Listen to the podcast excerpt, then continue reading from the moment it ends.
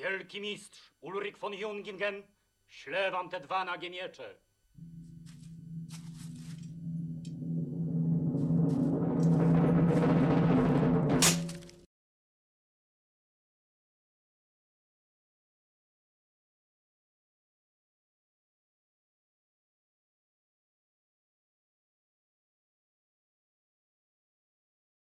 Bitwa pod Grunwaldem została ukończona w roku 1878.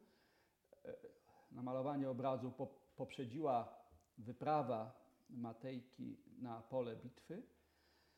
Obraz wzbudził ogromne zainteresowanie. O interpretacji tego obrazu, e, czy właściwie braku odczytania e, pewnego przesłania, które tu jest widoczne, zadecydował ewidentnie ten efekt stłoczonego tłumu, y, jaki przedstawia obraz. Swego rodzaju usytuowanie widza w środku walczącej masy. Y, Ten e- efekt wypychania wręcz postaci w przestrzeń widza. Skłoniło to jednego z historyków sztuki do porównania efektu, który zastosował Matejko do lokomotywy braci Limier, która jakby najeżdża na s- patrzącego y, widza. To w prawym dolnym rogu obrazu jest ewidentnie widoczne. Otóż ten efekt y, stłoczenia poniekąd przesłonił pewną logikę wydarzeń, która jednak jest w obrazie zawarta. E, Otóż zau- zauważono, że, że kierunek uderzenia e, polskiej armii jest tutaj wyraźnie określony. Pokazują go e, kopie e, rycerstwa, e, które pochylają się w, momencie zbliżania się do przeciwnika, a więc ta oś polskiego uderzenia idzie niejako od lewego górnego rogu obrazu ku prawemu dolnemu. To też tam właśnie ów efekt wypychania y, krzyżaków pokonanych. Obraz przedstawia zgodnie z zasadami y, obrazowania akademickiego e, tak zwany moment e, owocny, moment poprzedzający y, y, wydarzenie kulminacyjne i zapowiadający go. O ile ów efekt stłoczenia masy ciał ludzkich i końskich niekoniecznie jest zgodny z zasadami ak- akademickiego obrazowania, to jest z nimi zgodny fakt pokazania y, y, momentu poprzedzającego y, zwycięstwo Polaków, momentu, którym ta szala zwycięstwa ostatecznie się przechyla, jest to widoczne przede wszystkim w momencie, we fragmencie pokazującym nieuchronną już śmierć wielkiego mistrza. Widzimy, że ostrze włóczni, y, którą dzierży y, półnagi litewski wojownik, y, zbliża się ku niemu nieuchronnie. Obok widzimy również drugą postać z toporem, a, za, e, zarazem z, katowskim kapturem na głowie, co oczywiście ma wymowę symboliczną. Ale jest też inny moment, niejako zgrany z tym, mianowicie moment e, nieudanego e, ataku Dipolda von Kikeritz na orszak królewski stojący pod lasem. Tu widzimy go w, w prawym górnym rogu e, obrazu, na, na dalszym planie. Oczywiście ten atak, gdyby się y, y, udał, zakończył y, uśmierceniem wodza naczelnego Armii Polsko-Litewskiej, z pewnością mógłby jeszcze odwrócić losy y, bitwy. Y, Trzeba zauważyć, że y, Ma- matejkowska wizja Grunwaldu ma swoje y, wyraźne źródło. Jest to to źródło najbardziej znane i powszechnie znane, to znaczy opis Długosza. Y, Opis, który ten zawdzięczał wielu jego uczestnikom, ale przede wszystkim dwu, wielu uczestnikom bitwy, ale przede wszystkim dwu, dwóm z nich. Mianowicie Zbigniewowi z Oleśnicy, za jego czasów e, biskupowi krakowskiemu i kardynałowi, zarazem kanclerzowi e, królestwa i swemu mocodawcy i protektorowi, wówczas sekretarzowi królewskiemu, który, którego zasługą wojenną było właśnie odparcie ataku Dipolda von Kikeritz na króla. Drugim jego, z ważniejszych jego źródeł był ojciec, uczestnik bitwy, szeregowy rycerz, który jednak odegrał rolę nietuzinkową. Y, Mianowicie y, y, wziął do niewoli mm, znaczną postać, mianowicie komtura Markwarda von Salzbach. Tę scenę również widzimy w, tym razem w prawym dolnym rogu obrazu, kiedy duszony e, e, e, arkanem jest właśnie Markwart von Salzbach. Można dodać, że y, ród Długoszów temu faktowi zawdzięczał swą, swą karierę, bowiem Markwart von Salzbach był osobistym wrogiem y, wielkiego księcia Witolda, odpowiedzialnym za śmierć jego dzieci wziętych jako zakładnicy do, a, prze- przez zakon. A, I stąd y, y, y, otrzymanie do rąk tak potężnego i nienawidzonego wroga skłoniło wielkiego księcia do łaskawości, dzięki y, któremu y, Jan Długosz ojciec został y, starostą grodowym w Nowym Mieście Korczynie. Być może dlatego jego syn później znalazł się w, murach Akademii Krakowskiej, stąd znamy go jako wybitnego polskiego historyka. Otóż opis Długosza to także interpretacja zwycięstwa y, jako dzieła Bożego, dzieła dokonanego za sprawą modłów patrona Polski świętego Stanisława.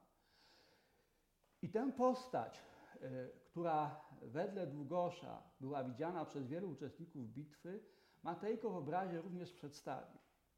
Co więcej, y, jej rola jest tutaj wyraźnie wskazana i zgrana z całym przebiegiem akcji. Y, Długoż napisał, że y, to właśnie od strony tego cudownego zjawiska y, wiały cudowne, potężne wiatry, które niejako napędzały siłę polskiego uderzenia, a zarazem rzucały w, teutońskiej armii pył w oczy, zeschłe liście, tym samym jakby y, wyraźnie y, palec Boży dopomaga y, y, y, stronie polskiej. Widzimy to zresztą, ten, próbę przedstawienia tego faktu. Od tego wiatru gną się aż pawie pióropusze na hełmach krzyżackich. Od tego wiatru wzbił się do góry biały płaszcz wielkiego mistrza. Można nawet y, dopatrzyć się w tym sugestii, że y, ten fakt niejako utrudnia walkę wielkiemu mistrzowi, ten zarzucony na głowę płaszcz. Tym samym y, czyni go łatwiejszym celem dla atakujących go litewskich piechurów. Tym samym jakby Bóg bezpośrednio uczestniczy w, w polskim y, zwycięstwie. Ten epizod śmierci wielkiego mistrza y, jest znaczący y, przede wszystkim jednak ze względu na narzędzia, którymi ta śmierć jest zadawana. Po pierwsze topór katowski, ale tu, tu symbolika jest oczywista, ale jest też y, to drugie y, narzędzie, włócznia, która nie jest włócznią przypadkową. Ta włócznia to włócznia świętego Maurycego. Y, Jej jedyny niepowtarzalny kształt jest tutaj oczywisty. I symbolika tej włóczni jest kwestią zasadniczą dla zrozumienia przesłania tego obrazu. Włócznia świętego Maurycego jest insygnium władzy cesarskiej, zarazem również insygnium koronacyjnym królów polskich. To insygnium władzy cesarskiej, y, które oznacza prawo, moc nawracania na wiarę chrześcijańską. W Polsce znalazła się jako dar od Tona III dla Bolesława Chrobrego, y, y, złożony w tysięcznym roku w czasie jego pielgrzymki do Gniezna ku uczczeniu świętego Wojciecha, i wyrażała e, właśnie tę funkcję, jaką niedawno nawrócone państwo polskie za sprawą misji świętego Wojciecha już wówczas zaczęło pełnić. Włócznia świętego Maurycego e, w obrazie Matejki odnosi się właśnie do sprawy nawracania ludów pogańskich.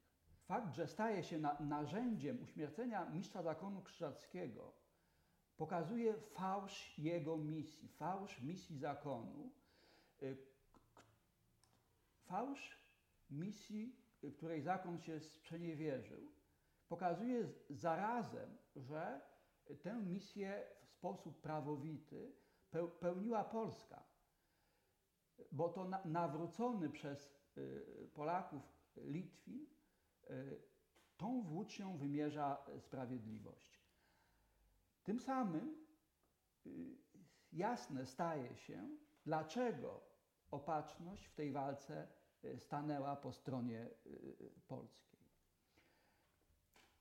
Przesłanie bitwy pod Grunwaldem dopełnia epizod rozgrywający się tuż przy prawej dolnej ramie obrazu. Otóż o, w tym tłumie, niejako wypychanym z przestrzeni obrazu, znajduje się postać y, opisana przez artystę jako y, komtur y, ze świecia von Plauen.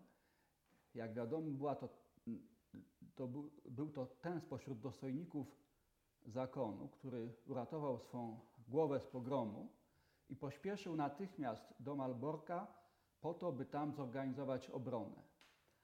A zatem Matejko niejako w ten sposób przedstawia ciąg dalszy.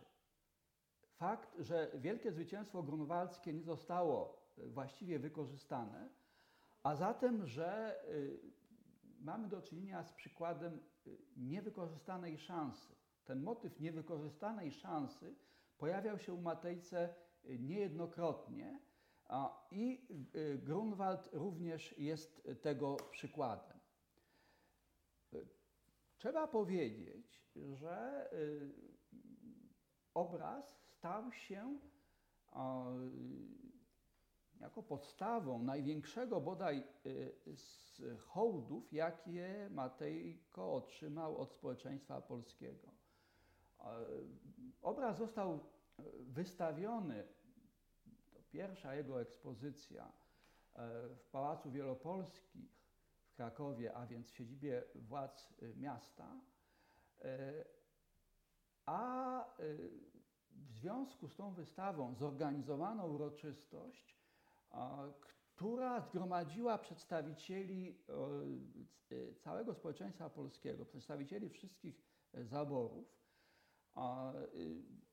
Po prostu usiłowano w owym czasie, kiedy y, władze w zaborze niemieckim e, prześladowały polskość, jest to okres tak zwanego Kulturkampfu, e, w czasie którego wśród więźniów znalazł się e, e, prymas Leduchowski, e, kiedy polskość wydawała się szczególnie zagrożona przez e, rosnącą w siłę, rosnące w siłę państwo niemieckie.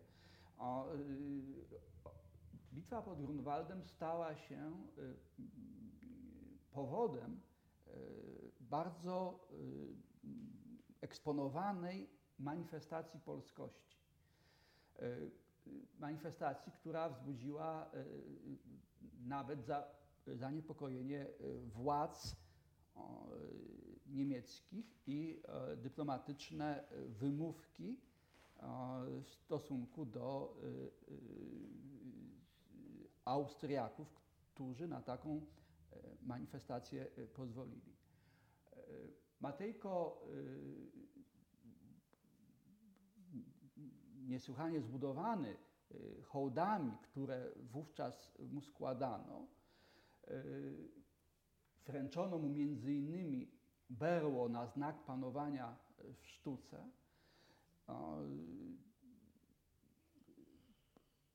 Uniósł się do tego stopnia, że próbował przedstawić y, swą twórczość jako swego rodzaju kontynuację twórczości wieszczów romantycznych. Mało tego,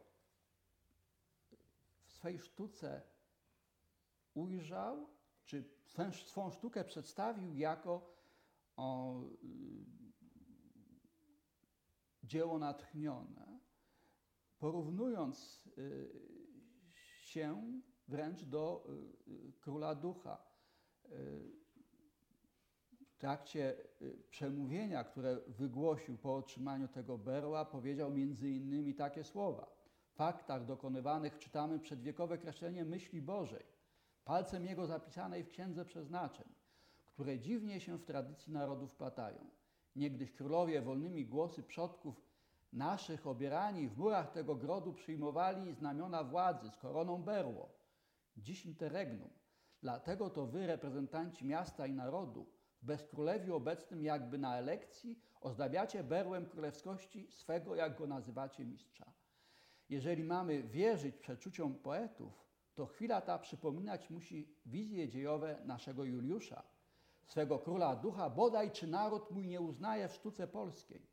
Wręczeniem berła dozwalacie mu przeczuwać rychłą dziejową przemianę, odrodzenie. A więc nawet coś więcej chyba niż y, wizja własnej sztuki jako y, dzieła natchnionego. Y, wizja własnej sztuki jako zapowiedzi odrodzenia, czyli wiara w moc twórczą przekraczającą jakby zwykłą ludzką miarę. To słowa bardzo istotne, bardzo istotne także dla zrozumienia obrazu następnego no, hołdu pruskiego, gdzie również artysta będzie wskazywał na boskie pochodzenie swej wiedzy o przeszłości i na y, moc przetwarzania rzeczywistości przez własną sztukę.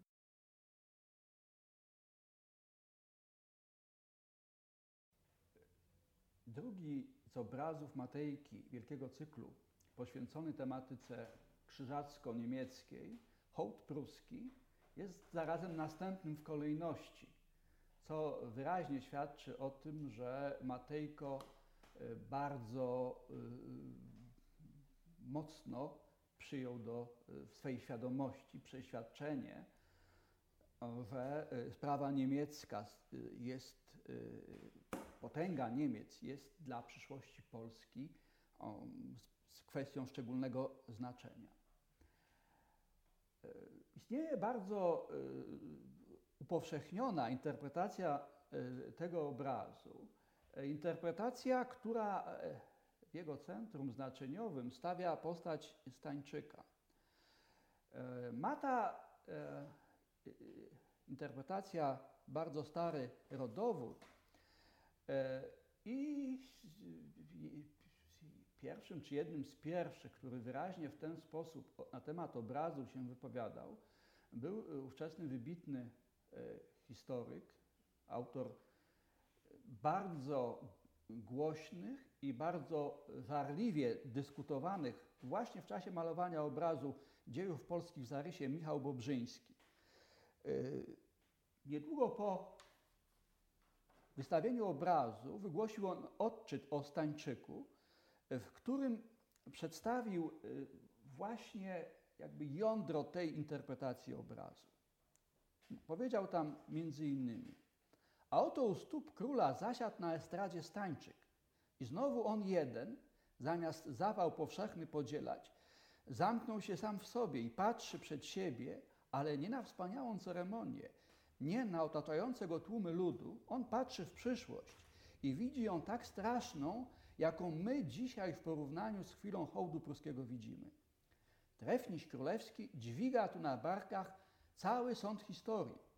Na pierwszym obrazie, tu Bobrzyński mówi o Stańczyku na balu królowej Bony w roku 1862, on jeden odczuł klęskę, na ostatnim, czyli właśnie na hołdzie pruskim, on jeden zwycięstwo, że było pozornem, zrozumiał. Tak więc E, Stańczyk ma tu być e, por parole artysty, ma wyrażać jego osąd historii, ma być tą postacią, która przewiduje przyszłe klęski, przewiduje fakt, że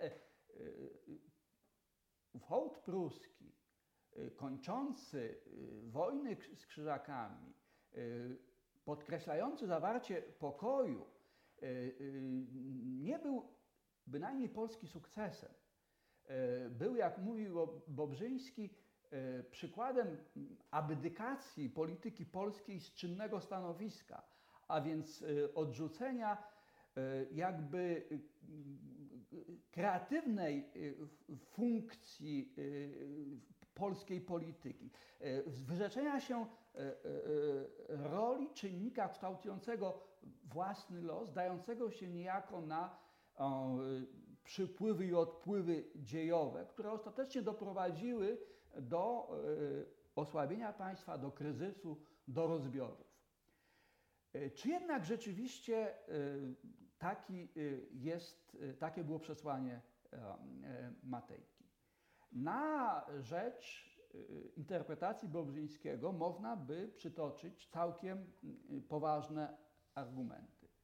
E, Przede wszystkim e, y, je- jedna z nielicznych zachowanych anegdot y, przypisywanych Stańczykowi y, wskazuje właśnie rzekomo na je, taki jego osąd tego wydarzenia.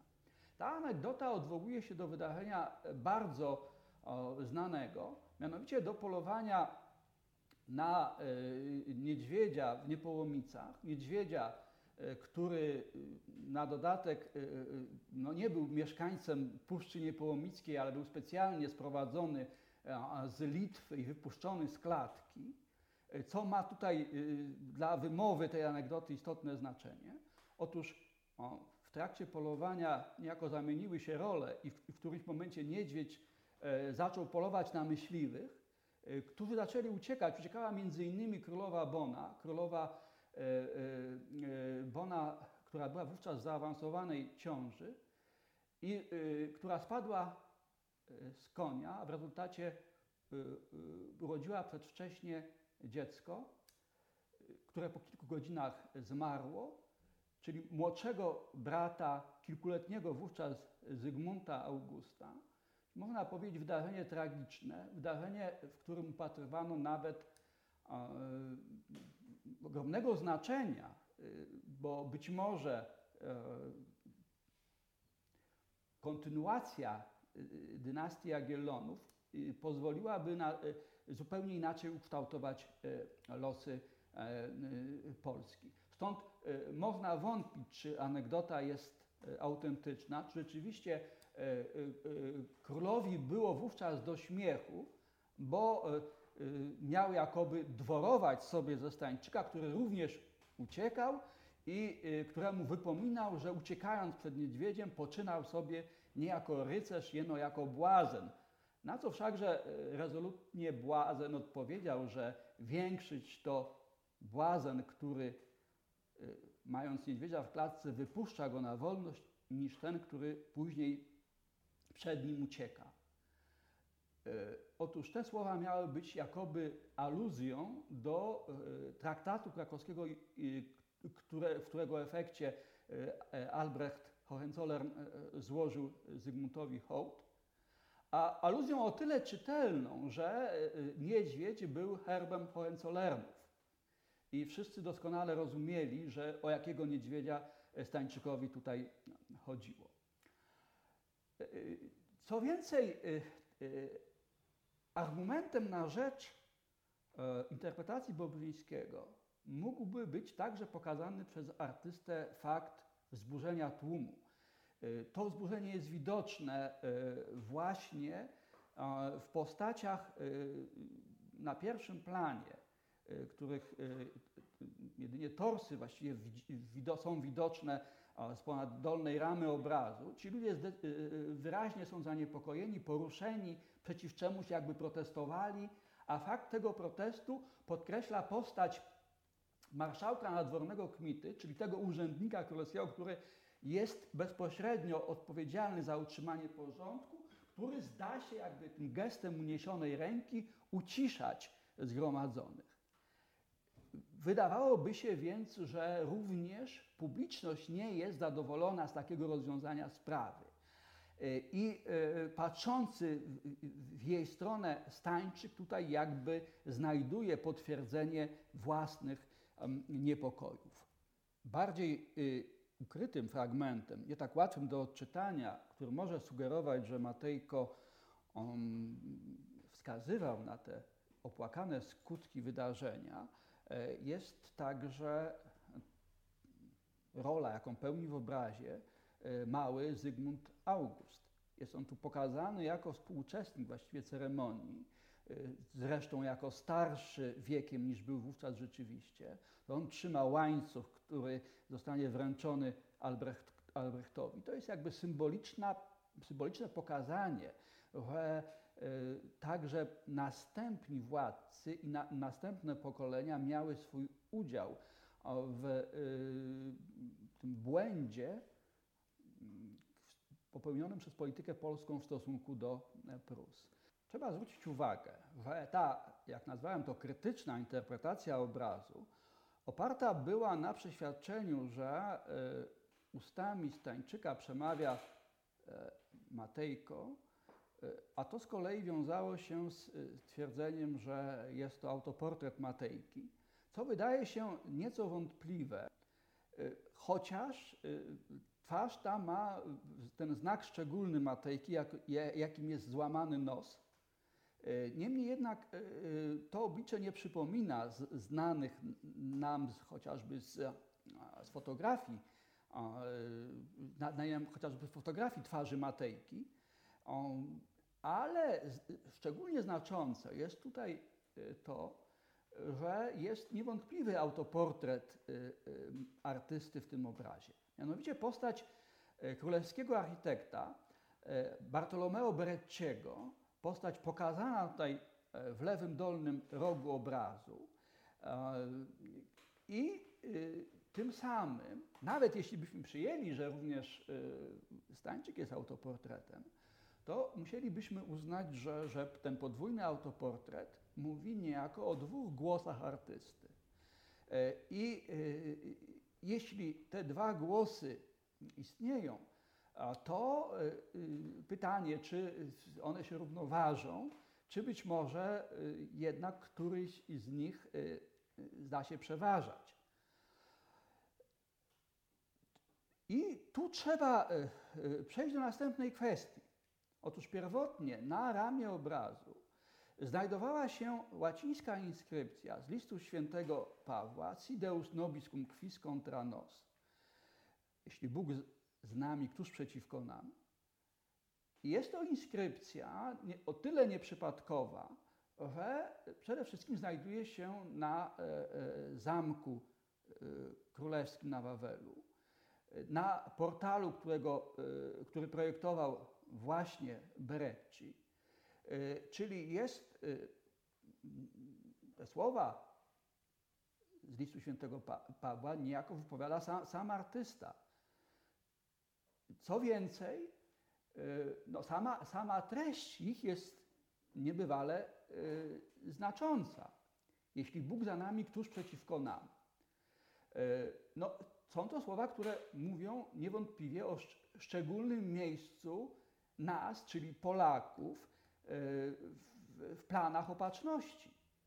I y, to skojarzone z, y, y, z postacią gołębicy Ducha Świętego wydaje się no, całkowicie relatywizować to krytyczne przesłanie. Umieszczone przez Matejkę na ramię obrazu, odczytane w kontekście listu świętego Pawła, y, mówią o, y, o tym, że Bóg usprawiedliwia y, wybranych, usprawiedliwia mniejsze błędy, które ułomnemu człowiekowi zdarzają się. I w kontekście całego obrazu wydaje się mieć to ist- istotne znaczenie.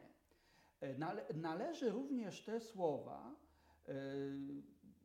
umieścić w kontekście y, Psalmu Dobrej Woli Zygmunta Krasińskiego, y, który twórczości Matejki miał istotne znaczenie. W roku 1861 Matejko namalował kompozycję datowaną właśnie z psalmów przeszłości, a konkretnie odwołującym się do, do psalmu dobrej woli, do tego epizodu, w którym poeta pisał o Matce Boskiej Królowej Polski, która wśród serafów grona unosi do nieba przed tron Boga męczeńską krew ofiar. Otóż wydaje się, że zwłaszcza otwierające ten znany wówczas, dzisiaj raczej zapomniany psalm Krasińskiego, słowa, które mówią pierwszym nam świeckie, Twego Syna. Dałeś nam pierwszym w świeckie wpoić dzieje, z Polski ojczyzna w przeszłości jedyna, co z piersi miłość, a nie rozbój sieje, mają szczególne odniesienie do twórczości Jana Matejki. Trzeba powiedzieć, że ten zapomniany właściwie przez wiele lat wczesny obraz Matejki wiąże się z pewnym bardzo, bardzo ciekawy sposób ilustrujący jego postawę epizodem. Matejko, poważnie już chory, właściwie myślący wtedy o śmierci, przeczytał w jednej z gazet przemówienie brytyjskiego premiera Gladstona wygłoszone w parlamencie brytyjskim, gdzie wspomniał zresztą dość epizodycznie, ale przychylnie o, na temat Polski i postanowił, że uczci ten fakt. Powziął pomysł wysłania jako dar dla parlamentu brytyjskiego swego obrazu przedstawiającego Wernychorę.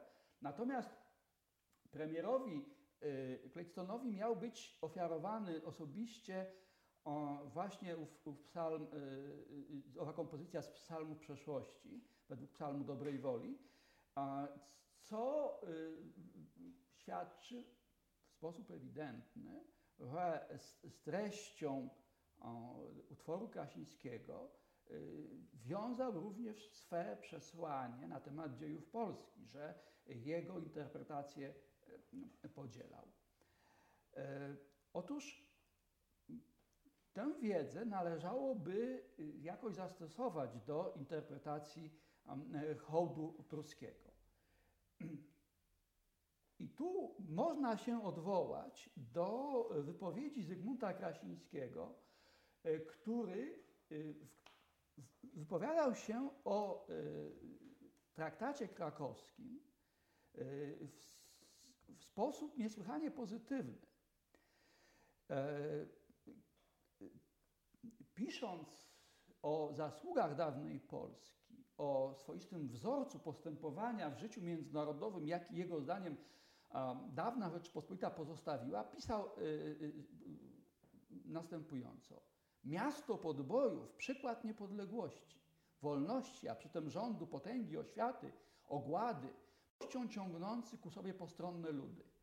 Stąd Unie owe nieśmiertelne, stąd Prusy wydobyte spod krzyżaków i Litwa pogaństwo odjęta, kwapiąca się w objęcia Rzeczpospolitej, a z Litwą i Ruś. Otóż okazuje się, co może być niesłychanie zaskakujące, że y, zawarcie układu z, Prusami jest tu postawione w jednej linii z Unią Lubelską, a więc tym faktem, który y, w interpretacjach mesjanistycznych dziejów Polski uchodził za no jakby kwintesencję jej zasług, y, czy wręcz, jak mówił Mickiewicz, ową figurę przyszłego zjednoczenia narodów świata. Czyli ten, ten fakt mógł mieć i miał w polskiej tradycji, przynajmniej w pewnym nurcie polskiej tradycji, zupełnie inną ocenę. Mógł być traktowany pozytywnie. I niewątpliwie Matejko do tej oceny nawiązywał. Sprawą y, kolejną, która y, pozwoli y, zrozumieć sens przesłania Matejki, jest próba sięgnięcia do źródła, do jedynego zachowanego źródła opisującego przebieg y, tej uroczystości. Y, Tym źródłem jest y, list biskupa Andrzeja Krzyckiego do legata papieskiego na Węgrzech Pulleona. I co ciekawe, w liście tym występuje motyw, który Matejko w swym obrazie przedstawił. Mianowicie motyw wzburzonego tłumu. Y, I na podstawie tego źródła dowiadujemy się, dlaczego mianowicie ludzie się e, burzyli. Y, Ludzie mianowicie burzyli się z powodu stroju królewskiego.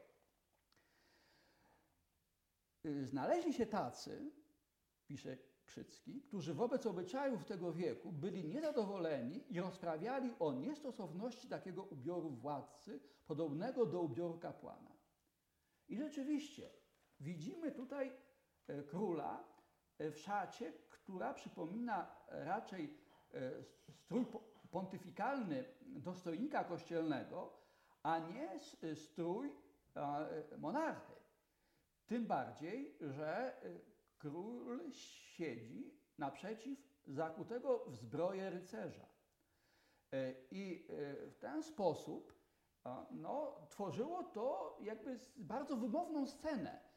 E, Z dalszego ciągu e, e, relacji Krzyckiego wynika właśnie to, że król, który naprzeciw rycerza zakutego w zbroję sam nie zasiadł w zbroi, nie pokazał również symbolicznie siły swego oręża, niejako okazał swą słabość. E, e, Ten, e, taką postawę Krzycki skrytykował, pisząc, że są to ci, którzy nie rozumieją, że władza królewska zależy od wsparcia religii. Właśnie owo wsparcie religii demonstruje Matejko, przedstawiając właśnie w taki sposób postać Zygmunta Starego. Proszę zwrócić uwagę także na to, że e, e, król trzyma na kolanach e, egzemplarz Księgę Pisma Świętego. Tak więc w zgodzie z relacją Krzyckiego wyobrażenie głównej sceny obrazu, zestawienie króla polskiego i y, wielkiego mistrza, a w tej chwili właściwie już świeckiego księcia państwa pruskiego, może się e, wydać e, jako kazanie władcy, który wyrzeka się stosowania siły. E, Staje bez broni naprzeciw zakutego w zbroję rycerza. Kojarzyć by się to mogło właśnie z tą tezą Bobrzyńskiego, który mówił, że od tego czasu Polska wyrzekła się tej czynnej polityki, czynnego kształtowania swego losu e, w stosunkach międzynarodowych. E, Co więcej, za taką interpretacją można znaleźć jeszcze dodatkowy argument.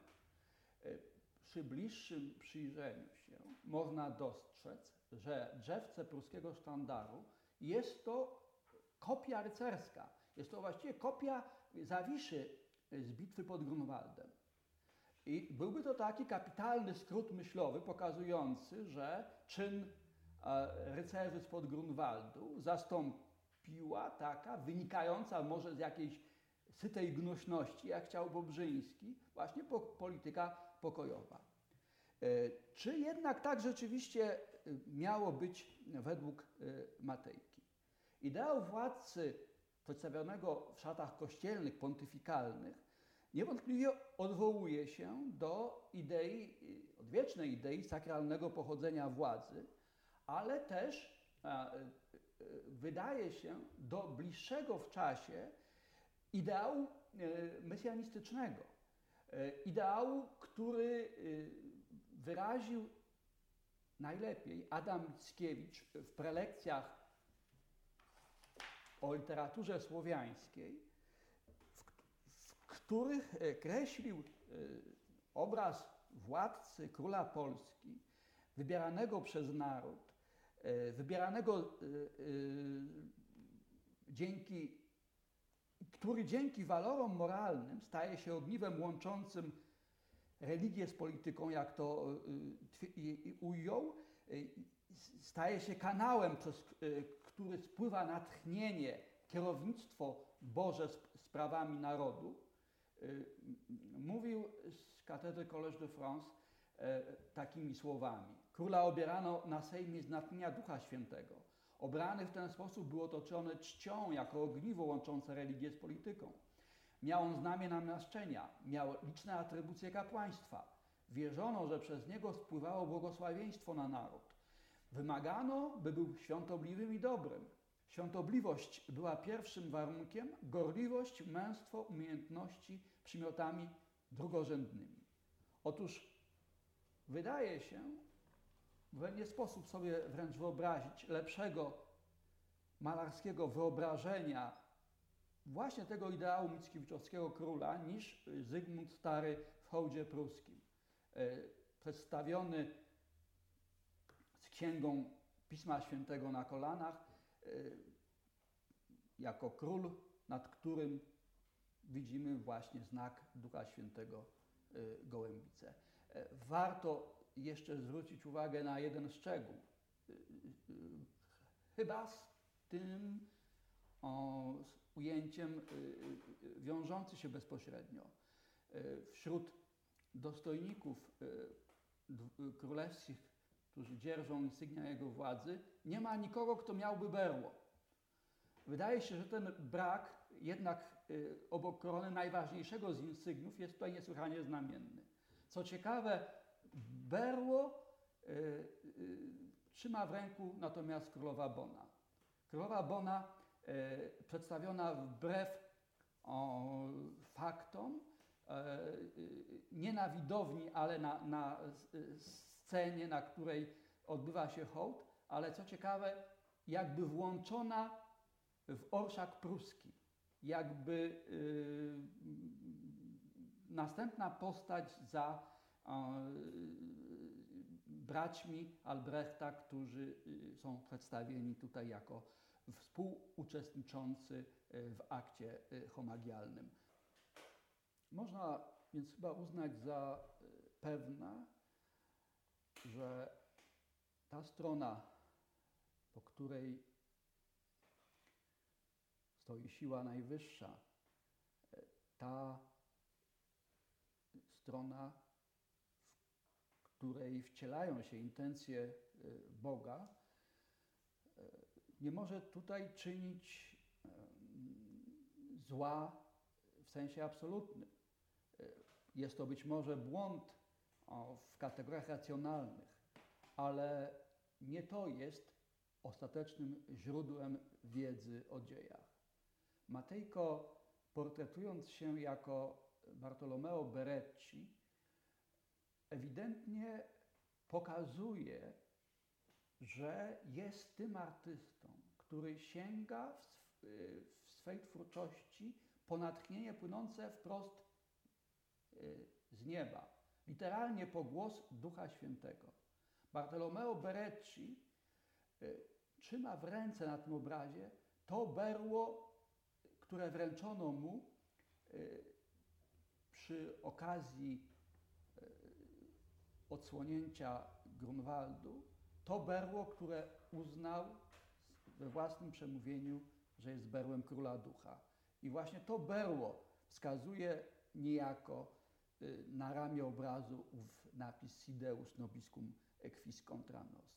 Jest więc Matejko artystą y, w duchu słów Mickiewicza, y, który y, mówił, że wrócą takie czasy, że trzeba będzie być świętym, żeby być poetą, że trzeba będzie natchnienia i wiadomości z góry o rzeczach, których rozum powiedzieć nie umie. I bez wątpienia Matejko przedstawił się w tym obrazie jako taki artysta, jako artysta, który dzięki temu głosowi płynącemu z nieba może unieważnić tą, wydawałoby się logiczną, e, prawdę rozumu, prawdę e, takich historyków jak Bobrzyński, którzy patrzyli na e, traktat krakowski z perspektywy błędu i jego późniejszych opłakanych skutków, bo przecież widzimy w tym obrazie e, nie tylko kres zakonu krzyżackiego, ale także początek świeckiego państwa pruskiego, które miało stać się przyszłym e, zaborcą e, Polski. Trzeba powiedzieć, że w twórczości Matejki znajdziemy wiele epizodów, które świadczą o tym, że wierzył w to, iż jest narzędziem opatrzności. E, Co, wierzył e, nawet w, w to, że jego twórczość, czyli dokonany za pomocą twórczości czyn, może mieć siłę e, sprawczą, e, która wywoła cud. Taką e, świadomość e, artysty znajdujemy choćby w jego zamysłach darowizn różnych obrazów, z którymi łączył nadzieję, że potrafią one zmienić świadomość obdarowanych. Najbardziej symptomatyczne były niewątpliwie mistyczne nastroje, jakie towarzyszyły idei ofiarowania e, dla narodu francuskiego obrazu e, przedstawiającego Joannę d'Arc, dziewicę orleańską.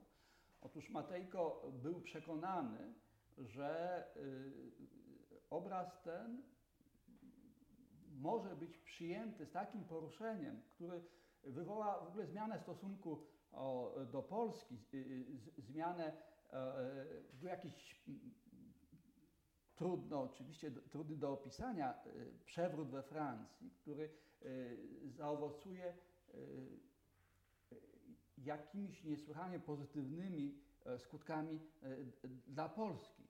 Wierzył po prostu, że e, jego obraz przedstawiający cud, który dokonał się we Francji średniowiecznej, ma również moc dokonania cudu tu i teraz.